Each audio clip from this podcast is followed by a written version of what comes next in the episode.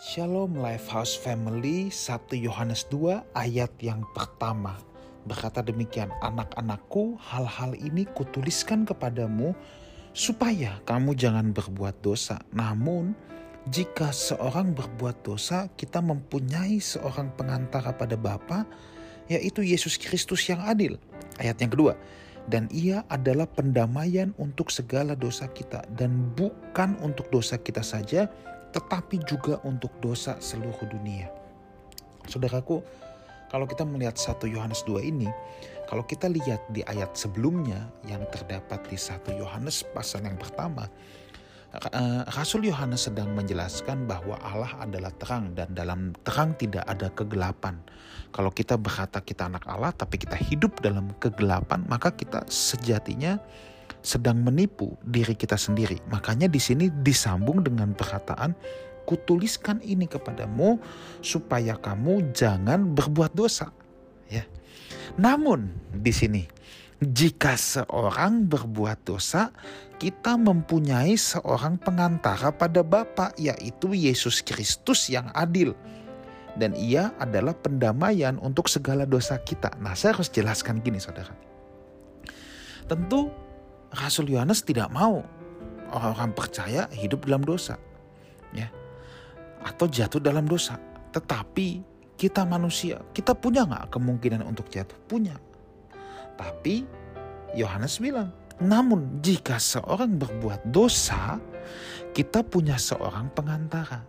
Nah, zaman dulu saudara ya, itu ada yang disebut dengan indulgensia, surat uh, penghapus dosa. Jadi kalau orang berbuat dosa, orang akan membeli surat itu, membayar surat itu dengan uang, lalu dipercaya dosanya diampuni. Saudaraku, pendamai kita cuma satu. Pendamai kita itu Tuhan Yesus. Ya, Tuhan Yesus. Saudara, kita nggak perlu minta ampun sama pendeta, minta ampun sama pastor, atau dengan siapa pun. Enggak, pendamai kita itu cuma satu, Tuhan Yesus. Tetapi di sini kalau dikatakan pendamai kita Tuhan Yesus, sikap kita gimana? Bukan berarti, oh aku bikin dosa aja terus kalau enggak sayang dong darah Yesus. Loh, pola berpikirnya tidak bisa seperti itu. Kalau kita tahu pendamai kita Tuhan Yesus, di sini dikatakan datang ya kepada pendamai kita yaitu Tuhan Yesus. Artinya kita punya kesediaan diri untuk bertobat, untuk mau dibaharui, untuk mau berubah, untuk mau mengubah arah hidup kita. Kan bertobat itu metanoia, berbalik 180 derajat. Kalau seseorang sedang jatuh, berjalan menuju kegelapan, kalau dia datang kepada Tuhan, dia harus berbalik arah menjadi datang kepada terang. Kalau dia berkata aku datang kepada Tuhan, Tuhan yang mendamaikan aku, tapi dia terus berjalan dalam kegelapan itu namanya dia tidak datang kepada Tuhan. Dia hanya menipu dirinya sendiri. Jadi di sini saya ingin mengingatkan kita semua dua hal. Kita itu punya pendamai, saudara ya. Yaitu Tuhan Yesus. Pendamai saudara itu bukan saya dan bukan manusia mana pun. Pendamai saudara adalah Tuhan Yesus Kristus. Dia satu-satunya yang bisa mendamaikan saudara dengan Bapa di sorga.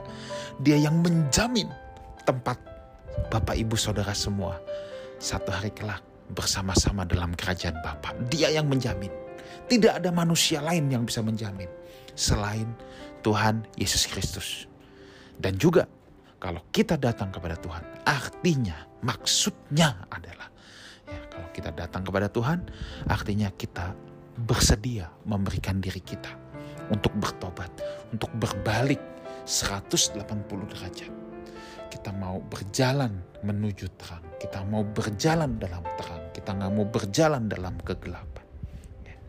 Dan di situ saya percaya kehidupan kita akan berubah dan kita akan memancarkan terang kemuliaan Tuhan.